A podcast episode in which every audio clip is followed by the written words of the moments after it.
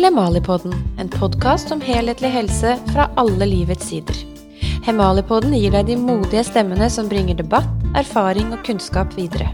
Programleder er Hemalis redaktør Julia Skreiner Benito.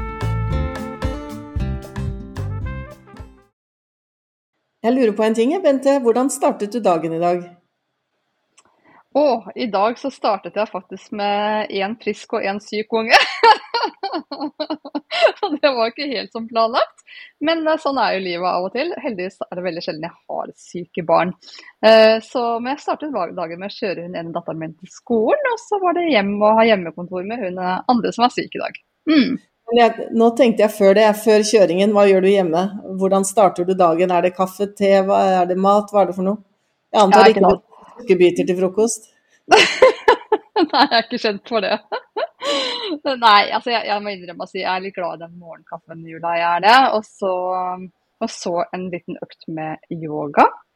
Eh, og så er det på en måte å få barna og ja, den morgenrutinen rundt dem, da. Men jeg begynner, begynner dagen med litt egentid, det gjør jeg. Bente Josefsen, det er så fint å ha deg med i Hemalipodden. Og nå sitter jeg av spenning etter å høre om eh, alt det som du kan så mye om, nemlig eh, sukkeravhengighet. Eh, du startet eh, Frisk uten sukker i 2017, hvis ikke jeg tar helt feil. Og eh, du har fått mye omtale, og dette er et tema som tydeligvis angår veldig mange, kanskje mange flere enn hva vi ser for oss eh, til daglig. Kanskje vi skal ta det først. Hvor mange er det som, ifølge din erfaring, hvem er, det, hvem er det som omfattes av dette begrepet sukkeravhengig eller matavhengig, ja det kan vi komme tilbake til. og Om vi skiller der mellom matavhengig og sukkeravhengig. Ja, altså Ifølge forskning fra USA, da, for det er ikke gjort forskning på dette i Norge, eh, så anslås det at så mange som 25% av befolkningen lider av en sukkeravhengighet. Det høres jo umiddelbart veldig høyt ut. Jeg husker selv jeg reagerte veldig da jeg hørte tallet og tenkte kan det virkelig stemme? Men når vi da ser da, liksom på befolkningen, Julia, så er det jo slik i dag at hele 70% av den voksne norske befolkningen, og sånn mellom 20 og 25, de tallene varierer litt, av barna i Norge i dag lider av livsstilssykdommer. Da syns jeg kanskje ikke at det tallet på 25 plutselig høres like høyt ut allikevel. Kanskje det er en del av forklaringen på hvorfor så mange lider av livsstilssykdommer. Og så syns jeg husker du sa til meg en gang da jeg spurte deg vel om dette med om det er forskjell på sukkeravhengighet og matavhengighet. Jeg mener du svarte noe sånn som at det, det er vel ingen som kreiver på brokkoli, og som står opp om natta og kanskje bruke liksom halve formuen sin på å kjøpe brokkoli. Så det er vel noe der, er det ikke det? At det er visse matvarer en blir avhengig av, eh, og visse eh, en ikke blir. Og typisk for de matvarene en blir avhengig av, så, så er det vel noe med både innhold av sukker og, og eller karbohydrater, er det ikke det? Jo, det er riktig, Julia. Altså, altså, her brukes det rett og slett litt ulike begreper. Vi snakker jo om sukkeravhengighet, men eh, på USA så snakker man også mye om food addiction. Og hva som egentlig er det beste begrepet, det er egentlig litt vanskelig å si. For at veldig mange vil reagere negativt hvis man snakker om matavhengighet. For at, ja, men alle trenger mat. Ja, det, det er jo riktig, alle trenger jo mat. Eh, men det er forskjell på å trenge noe og ha en avhengighet til noe, og så er ikke mat mat. Når vi snakker om en sukkeravhengighet, det som inngår der, det er jo det åpenbare sukker altså i form av godteri og morsukker. ikke sant? Og så har vi alle kunstige søtningsmidler som f.eks. Pepsi Max, disse proteinvarene osv. Som også vil trigge belønningssenteret på samme måte som sukker om du har en sukkeravhengighet. Og så har du de øvrige raske karbohydratene som brød, pasta, ris. Altså lages av korn og mel. da, ikke sant? Også veldig sånn stivelsesrike ting som f.eks. pommes frites potetgull osv. vil kunne trygge belønningssenteret om man har en sukkeravhengighet. Og du viser til belønningssenteret. Yes. Ja, med i bestemt form. Eh, og det skal vi tolke dit hen at det finnes ett belønningssenter, og vi kan være avhengig av forskjellige ting i livet. Fra sexavhengighet til spillavhengighet til alkohol, rusmidler. Men det er det samme belønningssenteret som trigges, fordi vi har bare ett. Stemmer det? Det er helt riktig, Julia. Vi har ett belønningssenter som kan utvikle avhengighet. Og så er det slik at Vi deler avhengighet inn i to ulike kategorier. Da. Man har det som kalles inntaksrelatert avhengighet. Det er jo da f.eks. det vi har vært innom, sukker og mat. Det er nikotin, det er koffein, det er piller og narkotika. Det kan vi innta i kroppen. På den annen side så har vi det som kalles prosessrelatert avhengighet. Det er jo alt vi kan gjøre som du nå nevnte en del eksempler på. At man overtjener, altså det er ute av kontroll. Liksom. Det går på bekostning av helsa og livet. Det kan være overjobbing, det kan være sex, det kan være spill med og uten penger. Og ikke minst skjermer i dag. Mange går ikke og ser på disse skjermene døgnet rundt. Så det er, liksom, det er, alle de tingene vi kan gjøre som vi kan utvikle avhengighet til. Og dette her kalles addiction interaction disorder, altså hvordan dette her henger sammen. Og Forskning tyder på at hele 90% av de som har avhengighet, har en kombinasjon av disse. Eh, disse samvirker. Og Vi ser det veldig ofte. altså F.eks. mennesker som har vært avruset fra alkohol. Ta det som et eksempel. Eh, de kommer til oss i etterkant, for hva er det de gjør når de tar bort alkoholen? Jo, de erstatter det med sukkeret. Og så er det slik at uh, veldig ofte når man har samtale og dialog med disse, og så viser at egentlig så har kanskje sukkeret kommet først. Det er liksom banet vei i belønningssenteret for andre typer avhengigheter i etterkant. Altså utløp av avhengighet, som vi kaller det da. Og, og den, det mange beskriver, at jo, de var veldig sånn sukkerrotter som barn. ikke sant? Og så ble de introdusert for alkohol, og så visste ikke de at de hadde anlegg for avhengighet. Og så hadde de en annen respons enn kanskje vennene på alkoholen. De fikk liksom ja, de opplevde det veldig gøy. da, Det var veldig stas. Når belønningssenteret får en sånn skikkelig sånn aha-opplevelse, så vil gjerne belønningssenteret gjenta denne atferden. Og da vil jo disse finne flere anledninger til å drikke enn kanskje andre, og utvikle da en avhengighet. Og når de da på et eller annet tidspunkt da, innser at de har problemer med alkohol, avrustes fra det, så går de tilbake til der de startet, som ofte var da sukkeret. Og da er det vel usikkert hva som er en genetisk sårbarhet, og hva som er um, miljø, oppvekst osv. Her er det sikkert mange svar. Og uh, jeg antar at du har noen av dem, Bente. Du har jo studert det som heter avhengighetsmedisin, og jeg ser at med deg på laget i Frisk uten sukker, så har du også en ruskonsulent. Jeg syns jo det er interessant at uh, vi er vant til å tenke om avhengighet, at det handler om alkohol og rusmidler, men det handler altså i stor grad også om mat. Vil du si noe om din historie, Bente? Ja, absolutt, Julia. Jeg har en personlig historie. og det, Så er det ikke ofte sånn det er. At det er drivkraften for å starte noe, at man har gjort noe egne opplevelser, egne erfaringer. Og når jeg ser tilbake til min, min barndom, da, Julia, så var det visse episoder der som jeg med den kunnskapen jeg har i dag, forstår på en ny måte. Eh, vi var tre søstre, og jeg var sånn det barnet som uh, for, for eksempel spiste tre sjokoladekalendere 1.12. da var jeg kanskje tre-fire år og funnet liksom, gjemt, det er også en del av symptomene, at man ofte gjemmer seg, gjør det her smyg. Jeg lå liksom gjemt under en dyne og hadde tømt tre sjokoladekalendere på en og samme dag. Det var andre episoder også for barndommen hvor jeg f.eks. hadde vært på besøk hos en oldemor av meg som hadde lagd hjemmelaget kakao. Da var jeg det barnet som drakk kakao til det kom opp igjen. Eh, og da kan man jo undre på på et eller annet tidspunkt der så må jeg, jo, må jeg jo ha blitt uvel, og hvorfor stoppet jeg ikke? Hvorfor hadde ikke jeg en sånn stoppknapp på hjernen som fortalte meg at ja, men nå, nå er det nok, liksom. Men det hadde jeg jo åpenbart ikke. Og når, da vi var barn liksom, på 70-80-tallet, så var, hadde vi hadde jo ikke den tilgangen til sukker som vi har i dag. Og det skal jeg være veldig glad for. Men de gangene jeg hadde tilgang til sukker, at det var så mye tilgjengelig, så var det en episode jeg virkelig liksom, dro til skikkelig, for å si det sånn. Jeg hadde ikke stoppknapp i hjernen. Og jeg husker også liksom, Jeg har veldig mye minner fra barndommen fra altså, Vi reiser nordover da, sommer som familie. Og det jeg var veldig opptatt av, var sånn på den ferga, da fikk jeg svele. Og så var vi alltid på den kafeen, da fikk jeg det. Altså veldig mye minner knyttet til liksom, hva jeg fikk servert, hva jeg fikk spise rundt omkring da. Eh, og dette skjønner jeg jo nå med den kunnskapen i dag, at dette var et tegn på at noe ikke var helt liksom, normalt oppi min hjerne. Og så, men så var det at vi hadde jo ikke den tilgangen til sukker som det vi har i dag. Så det ble på en måte ikke et stort helseproblem for meg. Jeg var frisk, jeg var slank, jeg var aktiv, jeg var ved godt humør. Um, så det var jo ingen som forsto at jeg hadde et problem. Det var mer at det, ja, det ble fleipa litt med denne ungen som var litt sånn Gikk litt bananas innimellom, ikke sant. Så det var egentlig først da jeg på en måte kom i, uh, i 20-årene at jeg begynte å slanke meg. Jeg skjønner ikke i dag når jeg ser på bilder fra den perioden hvorfor jeg startet å slanke meg, men jeg fikk en sånn uh, jojo-slankekarriere. da. Det gikk opp og ned ti kilo hele tiden.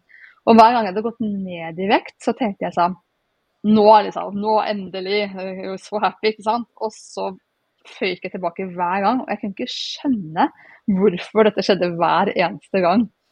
Uh, så det var mange år senere, da, eh, hvor mitt problem begynte å eskalere. Det, var flere episoder hvor jeg spiste mye sukker, og begynte, da begynte jeg å få helseproblemer. Jeg la ikke bare på meg ti kilo lenger, det var snakk om plutselig 30 kilo jeg la på meg. Eh, så fant jeg ut at eh, ja, så kom jeg over til meg sukkeravhengighet, og da var det som å lese om meg selv. og Det var, sånn, det var altså sånn aha-opplevelse. fordi at underveis der så hadde jeg også studert f.eks. ernæring og ønsket å leve sunt. Og hadde, hadde egentlig ganske sunn livsstil. Jeg spiste sunn mat, da, men jeg gikk på disse sukkersmellene stadig vekk.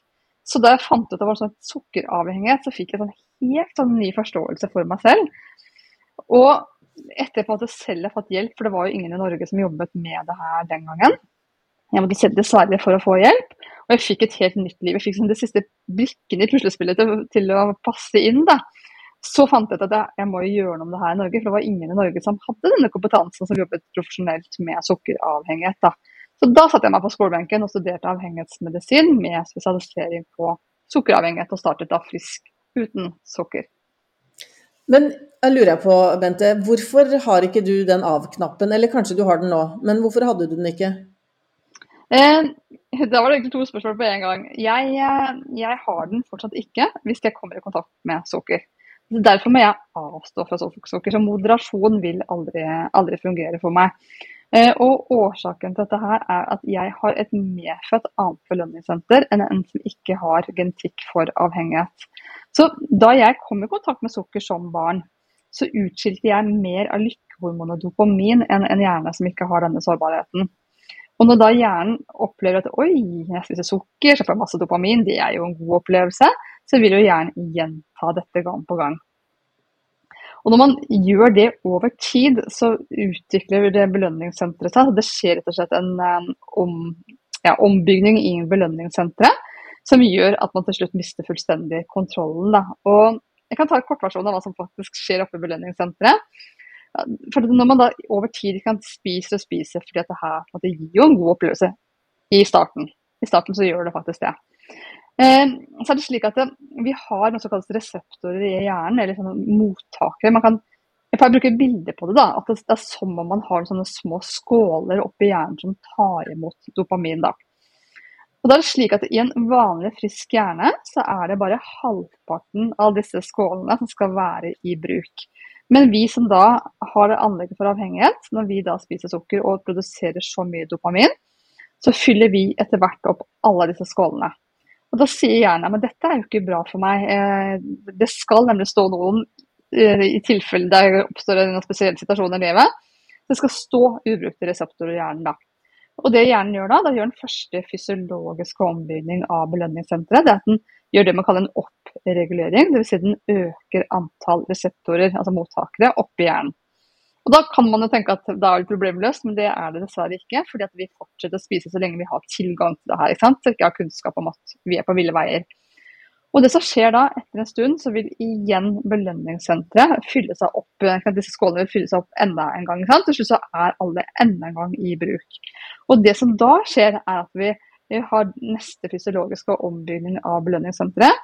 Og det er det som kalles en nedregulering. Det som da skjer, er at det er som om det legges et lokk over disse skålene. Slik at når vi da spiser og produserer dopamin, så kommer allikevel ikke dopaminet ned i disse mottakerne. Og hva skjer da? Jo, da får vi ikke lenger en tilfredsstillelse av det her. Eh, det, det, som skjer, er at vi etter hvert da går rundt på sånn kjempeubehag i hjernen og spiser og spiser, men det blir som ikke, allikevel ikke borte. da. Og det vi gjør da, at I starten så spiser vi mer, altså vi får da en, eh, en toleranseutvikling, som det kalles. Eh, og etter hvert så står vi i fare for å bytte da dette utløpet som vi var innom i stad. Og da kan det være at man bytter til alkohol eller shopping eller spill eller altså noe helt annet. Ok, Så det har vi rett og slett erfaring med at mennesker som får fylt opp alle disse altfor mange skålene og lagt lokk på, får ikke lenger noe utbytte av det de hvis vi kan kalle det ruser seg på. da, Og da bytter de rusmidler, rett og slett? Ja, for det, det som skjer, er at Tenk deg det, det normale lykkenivået du egentlig skal være på i livet. Ved, altså på sikt, da, når dette belønningssenteret bygger seg opp, bygger seg, eh, ombygges, så vil det generelle lykkenivået ditt bare gå nedover og nedover og nedover. og nedover. Så du får det egentlig dårligere og dårligere i livet. Blir mer og mer nedstemt, fortvila, får masse sånn tankekjør i huet. Og så går du rundt med en cravings hele tiden. Du går sånn kjempeloop hele tiden med cravings.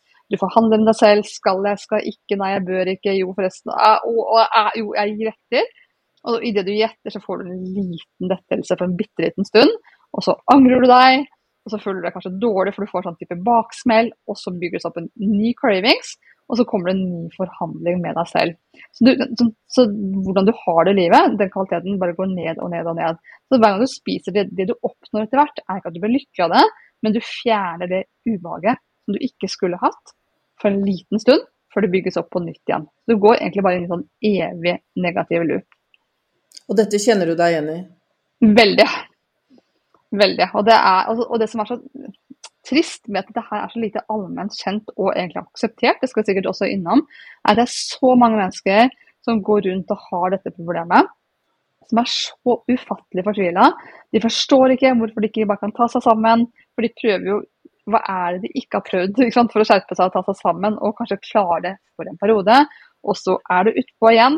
Ut av kontroll, man gjør det smyg, man lever egentlig liksom hemmelig liv etter hvert. da. Eh, men så får man heller ikke hjelp til å bli forstått i det offentlige systemet. Det man får er jo da en symptombehandling. Symptomer som f.eks. overvekt, men alle får ikke det. Eh, men det kan også være at du går rundt med mye vondt i hodet, at du får migrene av det her, eller mye vondt i magen, er nedstemt. altså Livet rakner rett og slett. da. Og så blir man kanskje sendt fra ene, den ene instansen til den andre i systemet. Kanskje blir man satt på en slankekur eller slankeoperert i verste fall som ikke løser det problemet her i det hele tatt. Snarere tvert imot kan gjøre ting enda verre. Og hva er god behandling, da? Hva er god behandling? Jo, altså det vi sier da i Frisk uten sukker, er at for å komme seg ut av en sukkeravhengighet altså Man blir ikke på en måte frisk, for det er en kronisk sykdom, men man kan leve i tidligfristen, altså symptomfri. Og Det som skal til da, det er egentlig tre deler som man må, må mm, implementere i livet. Det ene er jo at man må jobbe med kostholdet. Og da må man ha et skreddersydd kosthold for de som har en sukkeravhengighet som ikke er likt med alle, alle andre. Det vil si at vi må spise først og fremst rene råvarer, altså rene proteiner. Altså kjøtt, fugl, fisk, skalldyr, egg og syre. Grønnsaker helst de som vokser over bakken, og noe fett til. Så er det mange som tenker er ikke dette veldig lavkarbo? Vi setter ikke det, det labelet på det, for det er ofte sånn negativt stempel på også. ikke sant? Fordi det er noe mer, noe mer, enn det. da, for Vi tar i tillegg hensyn til det som kalles triggere. For De som spiser lavkarbokosthold, kan allikevel ofte spise sånn type lavkarbobrød som er bakt på f.eks. mandelmel. Veldig mange bruker veldig mye lettprodukter, altså sånne du vet, sukker, altså Pepsi Max osv. Erstatninger. Eh, erstatninger. erstatninger. Det er ikke anbefalt for oss som da har en sukkeravhengighet. Så det er mer skreddersøm i det. da. Så vi så du drikker, du drikker f.eks. ikke kunstig søtet brus? Nei, det er helt riktig, for det trygger mitt belønningssenter på lik linje som sukker. Uh, så Det er den ene delen av det. Man må ha kunnskap om maten og gjøre kostholdsendringer. Men allikevel så er det egentlig bare en liten del av det hele. Så I tillegg så må man ha kunnskap om det her og mentale verktøy. for Man må egentlig administrere livet sitt på en litt ny måte. Vi er bl.a. veldig sårbare for stress, søvnmangel osv. Og ikke minst det sosiale i det her. at det er veldig mange altså, Samfunnet forstår ikke det her. Så Hvis en som er avruset fra alkohol, da, kommer et selskap og takker nei til et glass vin og forklarer at det er for at de har en avhengighet, de har vært gjennom en avrusning, så vil jo de aller fleste i hvert fall backe opp det og si så utrolig bra. Og selvfølgelig og til og med spørre er det greit om jeg tar et glass, eller skal vi rydde bort alkoholen. Men når det gjelder sukkeravhengighet, så er det jo overhodet ikke den forståelsen i det hele tatt. Snarere tvert imot så blir man gjerne utfordret. Men så streng kan det jo ikke være. ikke? Og det er jo julaften eller bursdagen din eller 'dette orker du ikke i lengden'. Ikke? Altså, folk, folk, forstår ikke hvorfor det er viktig med avhold. Eh, så, så, det er en del av den der mentale verktøykassa å lære seg å, hvordan skal jeg håndtere livet mitt. Og den tredje biten som vi anbefaler, er et fellesskap med likesinnede. Nettopp fordi Man trenger et fellesskap med andre som forstår hva det handler om, som gir de rette rådene, som uh, hjelper deg når du har det tøft, og også heier på deg når du på en måte trenger det. Så det er sånn de tre bitene vi bygger opp våre program rundt. Og nettopp det med det sosiale eh, vil jeg tro er noe av grunnen til at eh, Jeg vet ikke om det er forsket på dette, men jeg har hørt at det er blitt hevdet at det er lettere å slutte med alkohol enn med sukker slash karbohydrater. Da. Nettopp fordi det du nevnte, det du beskrev der, at eh, rundt i det sosiale så sier man nei, du kan da unne deg det, men ta nå et kakestykke, ja, men du er jo så streng, må du være så streng da? Så dette er vel eh, kanskje noe av det viktigste å snakke om eh, på samfunnsnivå? Absolutt. Og så er jo også utfordringen at det, det, kanskje en del kan forstå, er at man avstår fra sukker, men at man også avstår fra andre raske karbohydrater. Det er jo enda mer kryptisk for mange. Og ikke minst så er det Si du er på en konferanse da, Julie, og så står det at det er lunsj inklusiv. Og er det en buffé, så går jo dette her stort sett veldig fint. og Da er det jo alltid noe å plukke. Men hvis det er noe, noe som er måte ferdig laget, ofte er jo det påsmurte rundstykker eller baguetter eller, eller, pizza. Eller, altså ting vi da ikke spiser. Da. Og det er klart at det er jo altså, Når det er ting som folk anser som vanlig mat, men som vi må avstå fra, så er jo en del som syns det her er eh, litt krevende, rett og slett. Så man må jo lære seg strategier da, for å komme seg rundt det. Ja, Hvis du da kanskje er på nippet, si at du er i forhandling med deg selv, skal, skal mm. ikke, og så finnes det faktisk ikke noe annet enn eh, høykarbo på det lunsjbordet, da skal det vel ikke mye til å tippe over? Nei, og i hvert fall ikke starten. Når man har på en måte vært i tilfredsstillende i lang tid, så blir jo dette på en måte innarbeidet som vaner, og hjernen craver jo ikke lenger på det her. Og man blir mye mer stabilt mett fra stabilt blodsukker, så man kan jo, som jeg sier til folk, ta heller dropp å spise hvis du står i sånn situasjon, fordi du klarer deg til neste måltid. Ikke sant? Men vi anbefaler folk å planlegge, da. Det er jo det vi liksom anbefaler først og fremst. Men kommer du i en situasjon hvor eneste alternativ er liksom pizza eller baguett, dropp det. Vent heller til du spiser neste gang, for du står den av. Når du har så stabilt blodsukker som våre får, så klarer man seg noen timer til.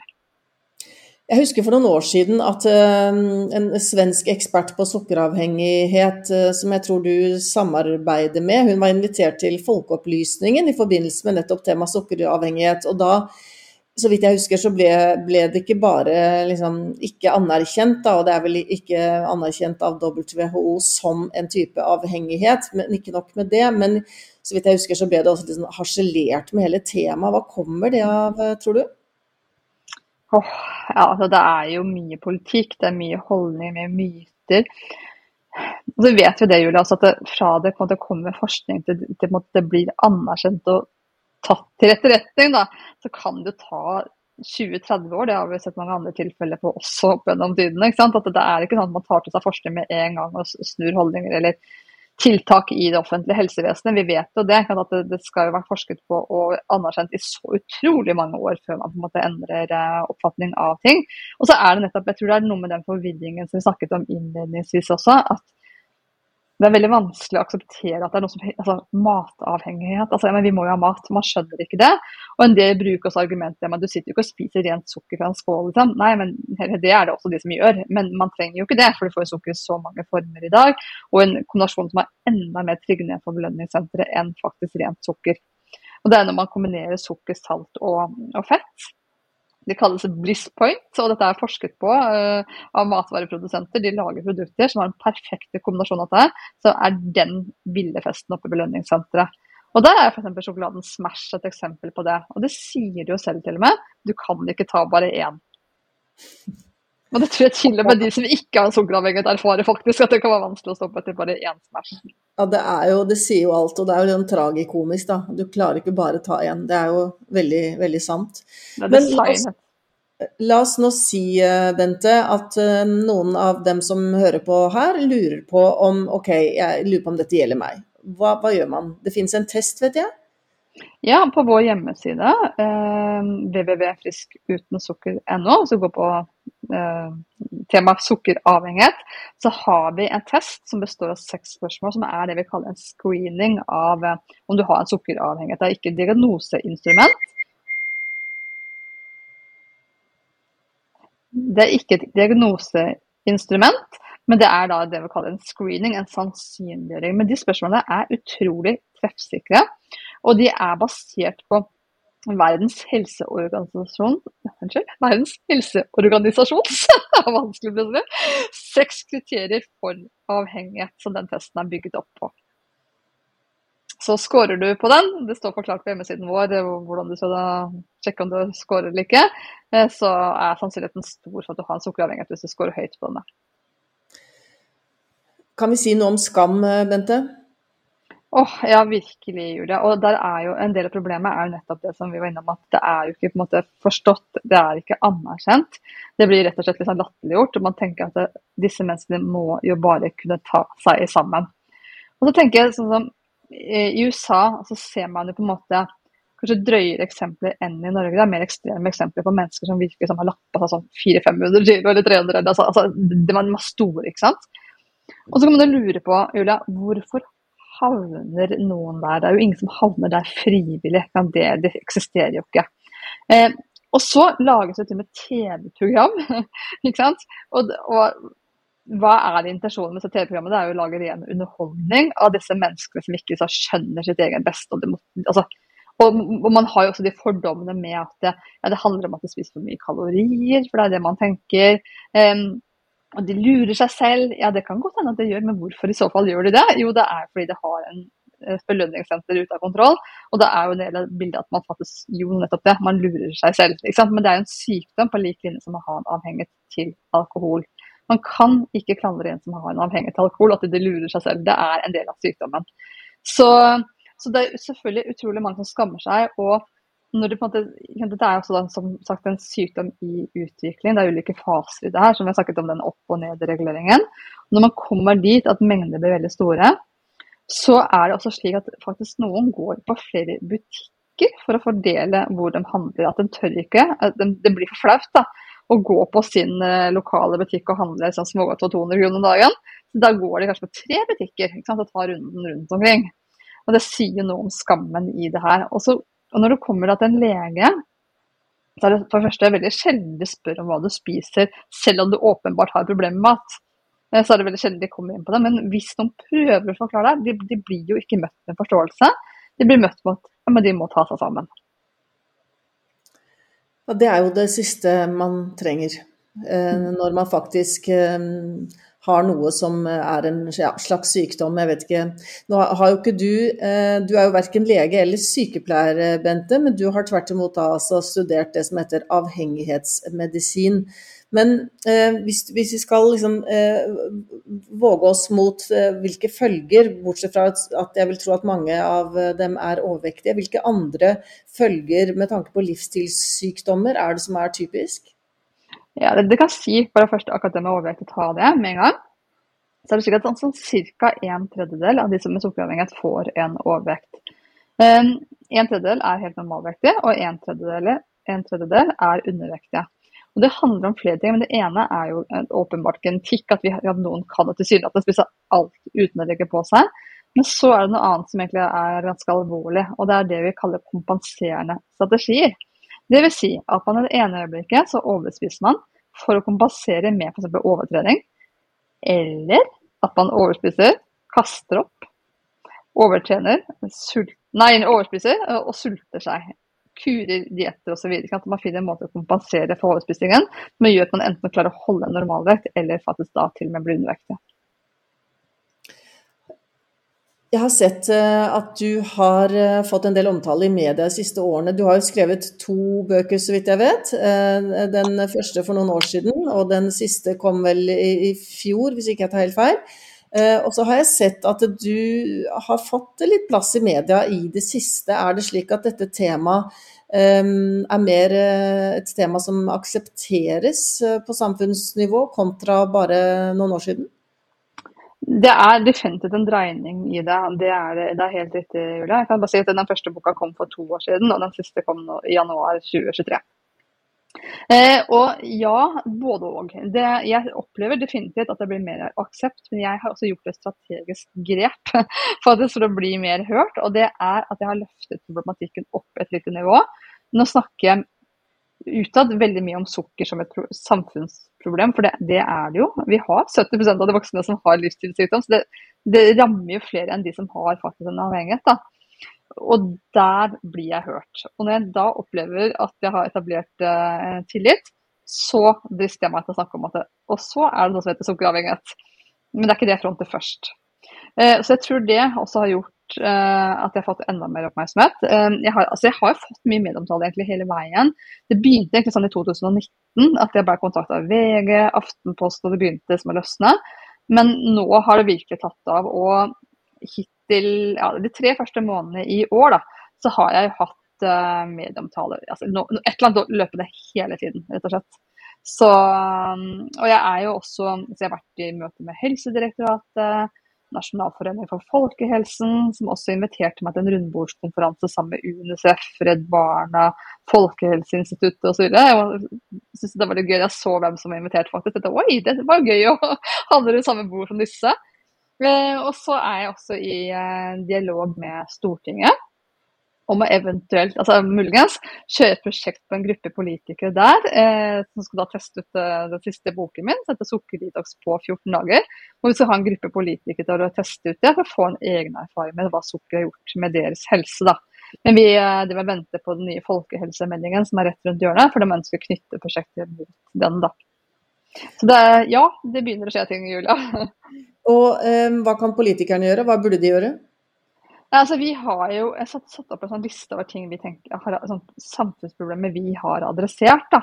Så vi tenker at her må vi gjøre grep. Og Det ene går jo på dette med reklame av uh, disse produktene. Og Spesielt dette med reklame mot barn er et kjempeproblem. Hvor man for første har klart å sette altså Bransjen selv har får lov til å sette reglene og overvåke om de følges. Det er jo helt absurd. Um, og det satt grensen for barn til å ha 13 år. Og så ser man også at i sosiale medier så lever dette her helt sitt eget liv. Det er en sånn ny eh, kjede nå som selger godteri, som jeg leste en artikkel om senest i dag, som er skikkelig aggressive på TikTok. Masse konkurranser. De får barn til å dele disse konkurransene, og det har tatt helt av. Og de fraskriver seg hvert ansvar mener at de ikke markedsfører seg mot barn. Da. Så at vi må ha en mye strengere regulering på markedsføring, helt åpenbart. Og så er det dette med at vi det er jo Tilgjengeligheten til sukker i dag er helt enorm. Når du går inn på en dagligvarebutikk i dag, så syns jo jeg enkelte av disse butikkene ser mer ut som godteributikker med litt mat enn motsatt. De har via utrolig mye plass til godteri. Jeg tenker her må, her må det, det, må gjøres noe, rett og slett.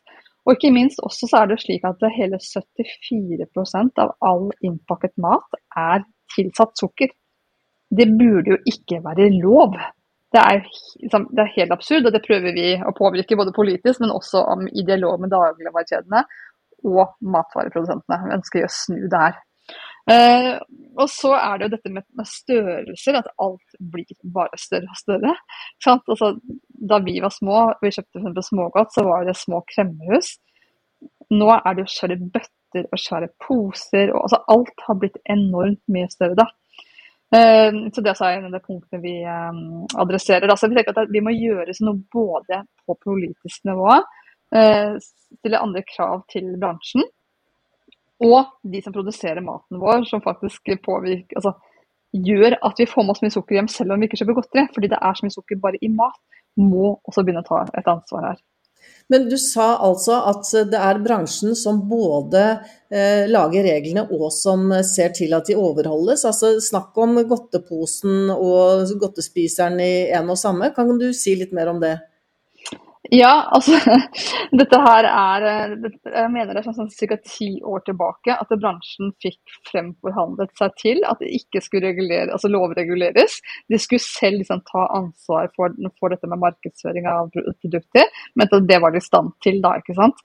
Um, så De har sitt eget utvalg da, som går gjennom eventuelle klager, men de klagene må jo da komme fra forbrukerne. De gjør jo ikke noe aktivt selv. Og i hele fjor så var det vel én sak som fikk medhold. Og de har jo heller ikke noe um, De har jo ingen sanksjonsmuligheter. De kan ikke bøtelegge.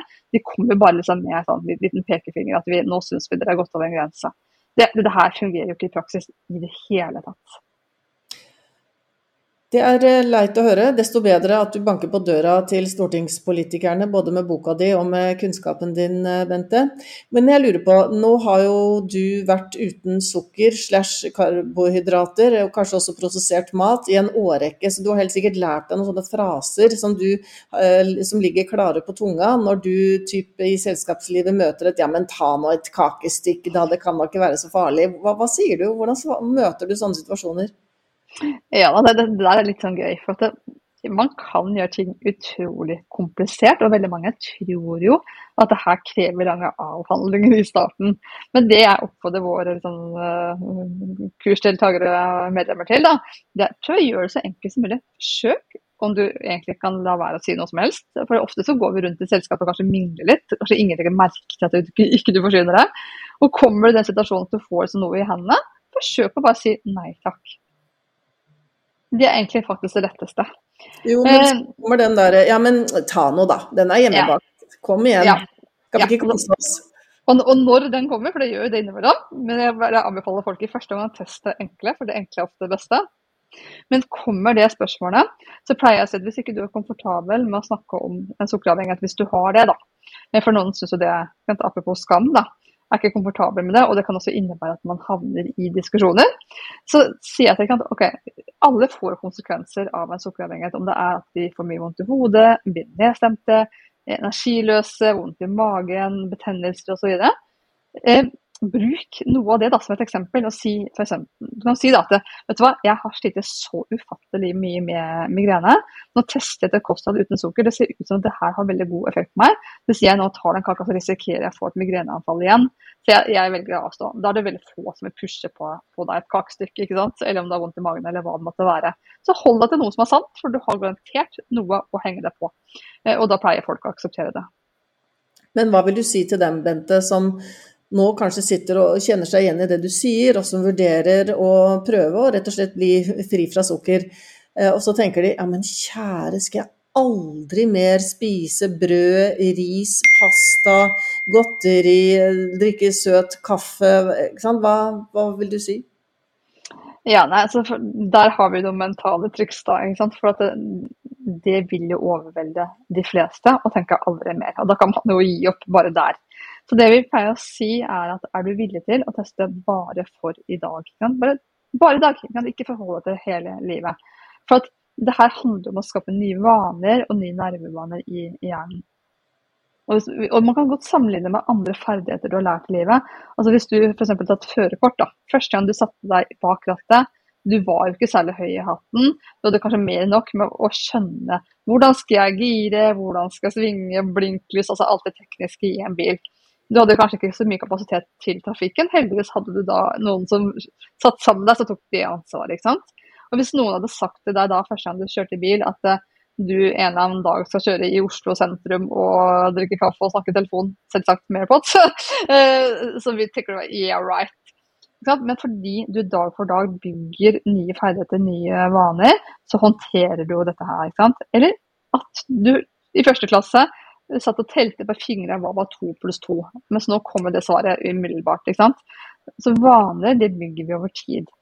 Så det som oppleves helt uoverkommelig trist nå, det får du et annet perspektiv på mens du går.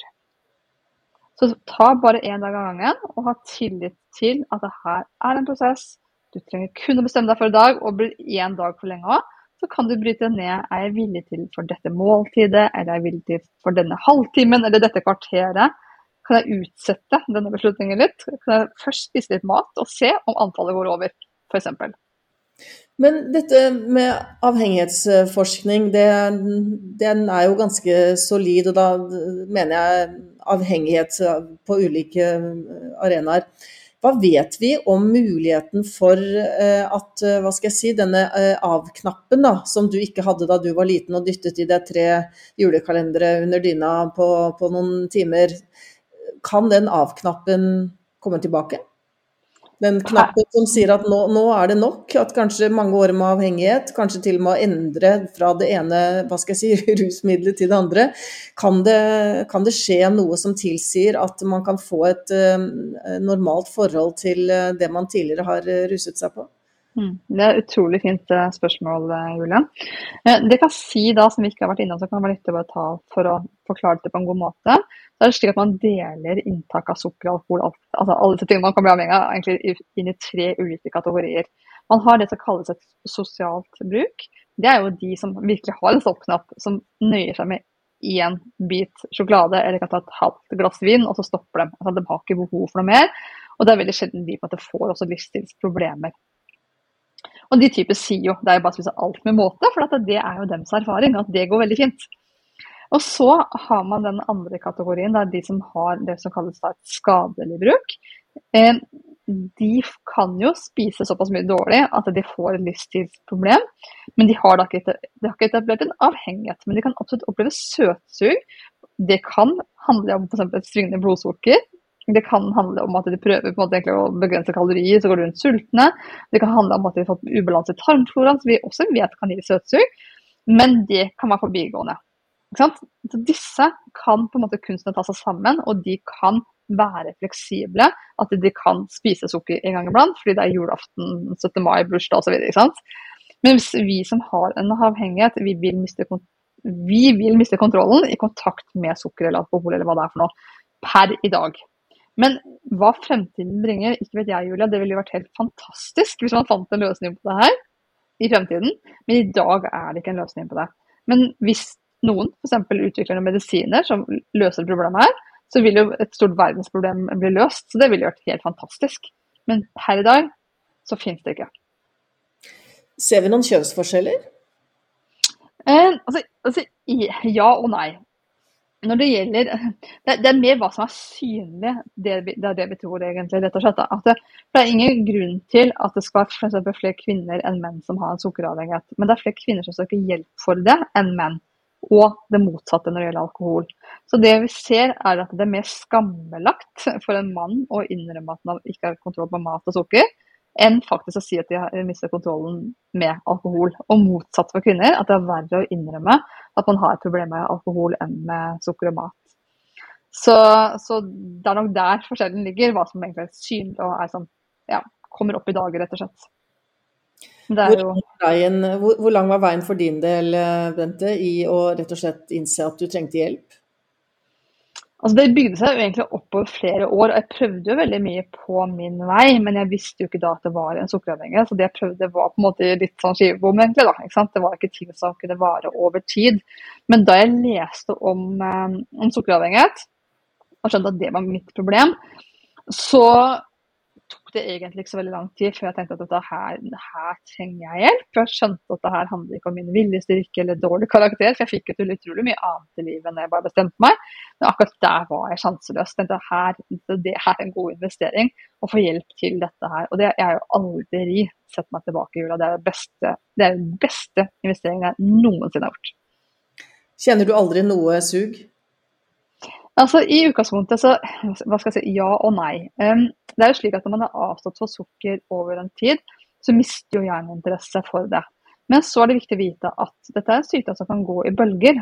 Så det vil si at hvis man er gjennom eh, noen livshendelser Hvis man ikke tar vare på seg selv, altså apropos de mentale verktøyene som vi innom i stad Hvis jeg slurver med søvn eller er veldig stressa, så kan det dukke opp cravings hjernen min kan lure seg selv. Jeg kan i et svakt øyeblikk si ja hvis noen for pusher på meg nå.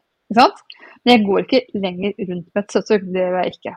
Eh, absolutt ikke. Men jeg er veldig sånn, med den kunnskapen jeg har, og liksom med den ydmykheten jeg har fått i den jobben jeg gjør, for jeg ser hvordan folk strever så enormt når de detter av, tenker jeg dit vil ikke jeg. Så jeg er ekstra oppmerksom på meg selv hvis jeg opplever litt store livshendelser. Og det, det, har jeg opplevd på min ferd her. Jeg har både opplevd å være alvorlig syk, og jeg har opplevd et samlivsbrudd som har gjort at jeg har skjønt at nå må jeg passe ekstra godt på meg selv, så ikke jeg havner utpå igjen.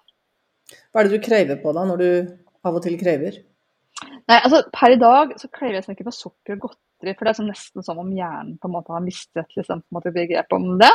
Og heldigvis for det. Så det kan være mer at jeg kanskje liksom kan kjenne lukta av noe nybakt bakst, f.eks. Som jeg tidligere var veldig glad i. Det kan jo potensielt trigge litt. altså Til du går inn på bensinstasjonen og kjenner lukten av nystekte boller. Det kan da trigge en sånn type situasjon. De burde holdt seg til bensin. Ja, det burde Strøm. så det er nå. Du har jo hatt mange kursdeltakere hos deg gjennom eh, din tid, eh, Bente. Hva er det de forteller deg? Hva er det som, eh, er det som gjør inntrykk? Nei, altså, åh. Det var et godt spørsmål, Julia. Eller et veldig fint spørsmål. Jeg er glad du spør. For det som er at når man sitter midt i denne sukkergrøfta og er dypt fortvila, så det triste med en avhengighet er at hjernen blir lurt til å tro at uten dette sukkeret eller alkohol eller hva det er man er avhengig av, så vil jeg faktisk dø. Altså hjernen, det er så, så sterkt at man tror ikke man kan ha et liv uten. Man tror dette er meninga med livet. Uten dette så er det meningsløst. Selv om man har det helt elendig. Det er jo det som er det absurde. Og andre utenfra kan jo se det er jo helt åpenbart at du ikke har det bra. Det er helt åpenbart at du trenger denne forandringen, men selv ser man ikke det når man sitter i det. Og det utrolig fine med å få lov å være vitne til, Julia, er jo hvordan livet til disse menneskene da forandres. Når de bare våger ta første skrittet og bli heiet frem, og vi kan hjelpe dem med rett kunnskap av verktøy og virkelig støtte det. Hvordan de som egentlig på ganske kort tid ser livet på en helt ny måte. Hvordan de får tilbake helsen, livskvaliteten, gleden og plutselig gjenoppdager livet og skjønner at livet handler om noe annet enn bare å, å hele tiden sånn, jakte på neste kick. Så det vi trenger framover, eh, Bente, i tillegg til selvfølgelig økt kunnskap Vi trenger å begrave alt som eh, heter skam, alle varianter av skam. Og så trenger vi eh, å ansvarliggjøre mm, butikkene, produsentene. Og så trenger vi å vekke politikerne. Helsetilsynet, hva, hva bør de gjøre? Du sa at du hadde vært i møte med dem også. Hva slags gehør fikk du der? Altså, dette, er jo, dette, er, dette, er, jo, lange lange prosesser, uh, Julia, så det kommer ikke til å skje noe over natta der. Men jeg, jeg, der er mer tro på egentlig det prosjektet vi skal mest sannsynligvis da, i gang med på Stortinget. Jeg har mer tro på det, at det får vi noen av disse politikerne til å få egne erfaringer. Så tror jeg det, det kan være starten på noe veldig spennende. Og Vi snakker om å se på utvalget deres i kantina og kanskje få en frisk uten sukker-meny der. Det hadde vært fantastisk. ikke sant? Altså, vi, må, vi må begynne på en måte der. Men det er klart at det, det jeg ser, da, er f.eks. Jeg var så vidt innom det i stad, det med slankeoperasjoner. For at av de da som utvikler enormt overvekt og fedme av det her, så er det slik at først så blir de bedt om å ta seg sammen. Og når det ikke fungerer, så kanskje blir det prøvd og satt på noen ulike slankemedisiner med mer eller mindre hell og med mange bivirkninger. Og hvis ikke det fungerer, så kan de bli slankeopererte. Og det, det jeg syns er skremmende, er jo at disse slankeoperasjonene For det første, så tallene spriker litt, men altså, forskning viser at mellom da, 10 og 30% av de slankeopererte utvikler avhengighet til alkohol i etterkant. Det er ut, det er alvorlig. Og det er jo bare fordi hjernen bytter utløp. for at Den klarer ikke lenger å fylle på nok sukker til, til å få bort ubehaget. Da søker den neste ting, og som ofte da er alkohol. Det andre er at vi vet også at veldig mange av de slankeopererte sliter jo etterkant med liksom dumpingsyndrom. altså At de, de, på en måte rett og slett flater rett ut etter måltider, får vondt i magen, helt energiløse. Noen får det til og med etter et glass vann. Det gjør jo veldig mye med livskvaliteten. Mange sliter med å ta opp vitaminer og mineraler. Så det er alvorlige konsekvenser for mange etter operasjoner. Selv om noen absolutt noen får det bedre, men mange får faktisk alvorlige bivirkninger. Og det jeg syns er trist, er jo at det, det sies at før man blir operert, så skal man ha prøvd alt. Men man gjør jo ikke det. For de tør jo ikke å legge om kostholdet til våre retningslinjer, som er jo mye mindre alvorlig enn ethvert kirurgisk inngrep. Og det jeg mener er at hvis årsaken til at de havnet der de havnet, da, er at de har en avhengighet, så løser du ingen problem med å begynne å skjære denne magen. Det er jo feil organ. Så det man da opplever, er at de enten står i fare for å utvikle da en nytt utløp for avhengighet, som f.eks. alkohol, og at de ofte etter sånn fem års tid så begynner de å legge på seg igjen. Og hva skal man da gjøre? Og det er da vi um, skiller mellom symptombehandling og årsaksbehandling, eller hva?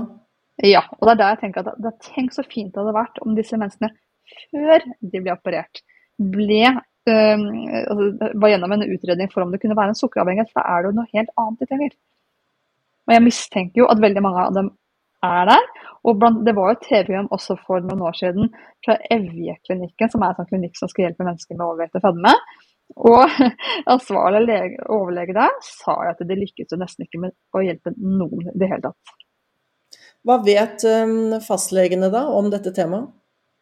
Eh, svært lite sånn på generelt nivå. Dette er jo ikke noe de lærer om med sin utdannelse. Men det er klart at det, det er jo flere leger som har lest mine bøker og vært på mine foredrag, som har tatt kontakt og sier at de har fått seg noen skikkelig aha-opplevelser. Og det er jo alltid veldig, veldig fint. Men det er klart, de har jo sine føringer da, for hva de kan si og gjøre og anbefale. Ja, det var det med dobbeltblindede, randomiserte, placebokontrollerte studier osv., var det ikke det? ikke sant. Det er noe med det. Og det vet Så... er det et felt det er vanskelig å, å nå den uh, standarden på vitenskap, så er det jo innenfor um, ernæring. Ehm, jeg er veldig glad for at du deler dette med oss, Bente. Jeg håper og tror at mange der vil ha nytte av ehm, kunnskapen som du har delt med oss nå. Er det ehm, mer å tilføye som er viktig, som ikke vi har fått med? Det, det, kan, det kan si, derfor du var inne på det her med at man kan bli overveldet og tenke hele livet, rett og slett. Og, og, det er jo det jeg har prøvd å få frem i den siste boken min, 'Anna sukkerdidas på 14 dager', er jo at det, Veldig mange går rundt da med ulike plager som vondt i hodet, vondt i magen, tingene. Jeg har vært innom lite energi, dårlig søvn. Og det er veldig vanskelig å forstå ofte da, at dette her handler om kostholdet man har, har hatt. ikke sant? Og det å ta bort sukker for en periode er egentlig eneste måten å finne ut om kostholdet har, om det er det som har skapt de problemene du har. Det er det jeg prøver å guide folk til i den siste boken min, er rett og slett test i 14 dager. For veldig mange får sånn åh, skikkelig aha-opplevelse i liksom, løpet av 14 dager. Og, og, hvis du erfarer at men, problemer du har gått med over lang tid, faktisk enten blir borte eller veldig mye bedre, så kan det hende at du blir inspirert til å fortsette det litt til.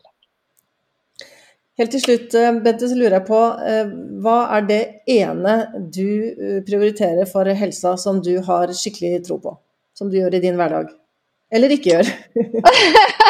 ikke sant. Altså det, det, som er stabilt i mitt liv alltid, Julia, det er jo kostholdet mitt. Der er jeg helt ufravikelig. Og så forsøker jeg i tillegg å være fornuftig når det gjelder trening og søvn og stress og alt det her. Og så er jeg, der er jeg menneskelig, så der lykkes jeg perioder, og perioder ikke. Men maten er ufravikelig fra min side. Tusen takk for at du var med i Hemalipodden, Bente Josefsen. Ta godt vare på deg selv. Å, takk for at jeg ble invitert, Julia.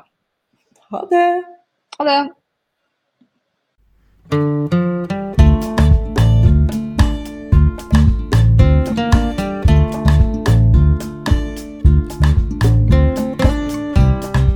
Takk for at du lytter til Emalepodden. Likte du det du hørte, håper vi at du vil fortelle andre om oss. Gjør det til en vane å klikke deg inn på hemali.no hver dag. Der vil du finne siste nytt om det fantastiske potensialet i livsstil for helse.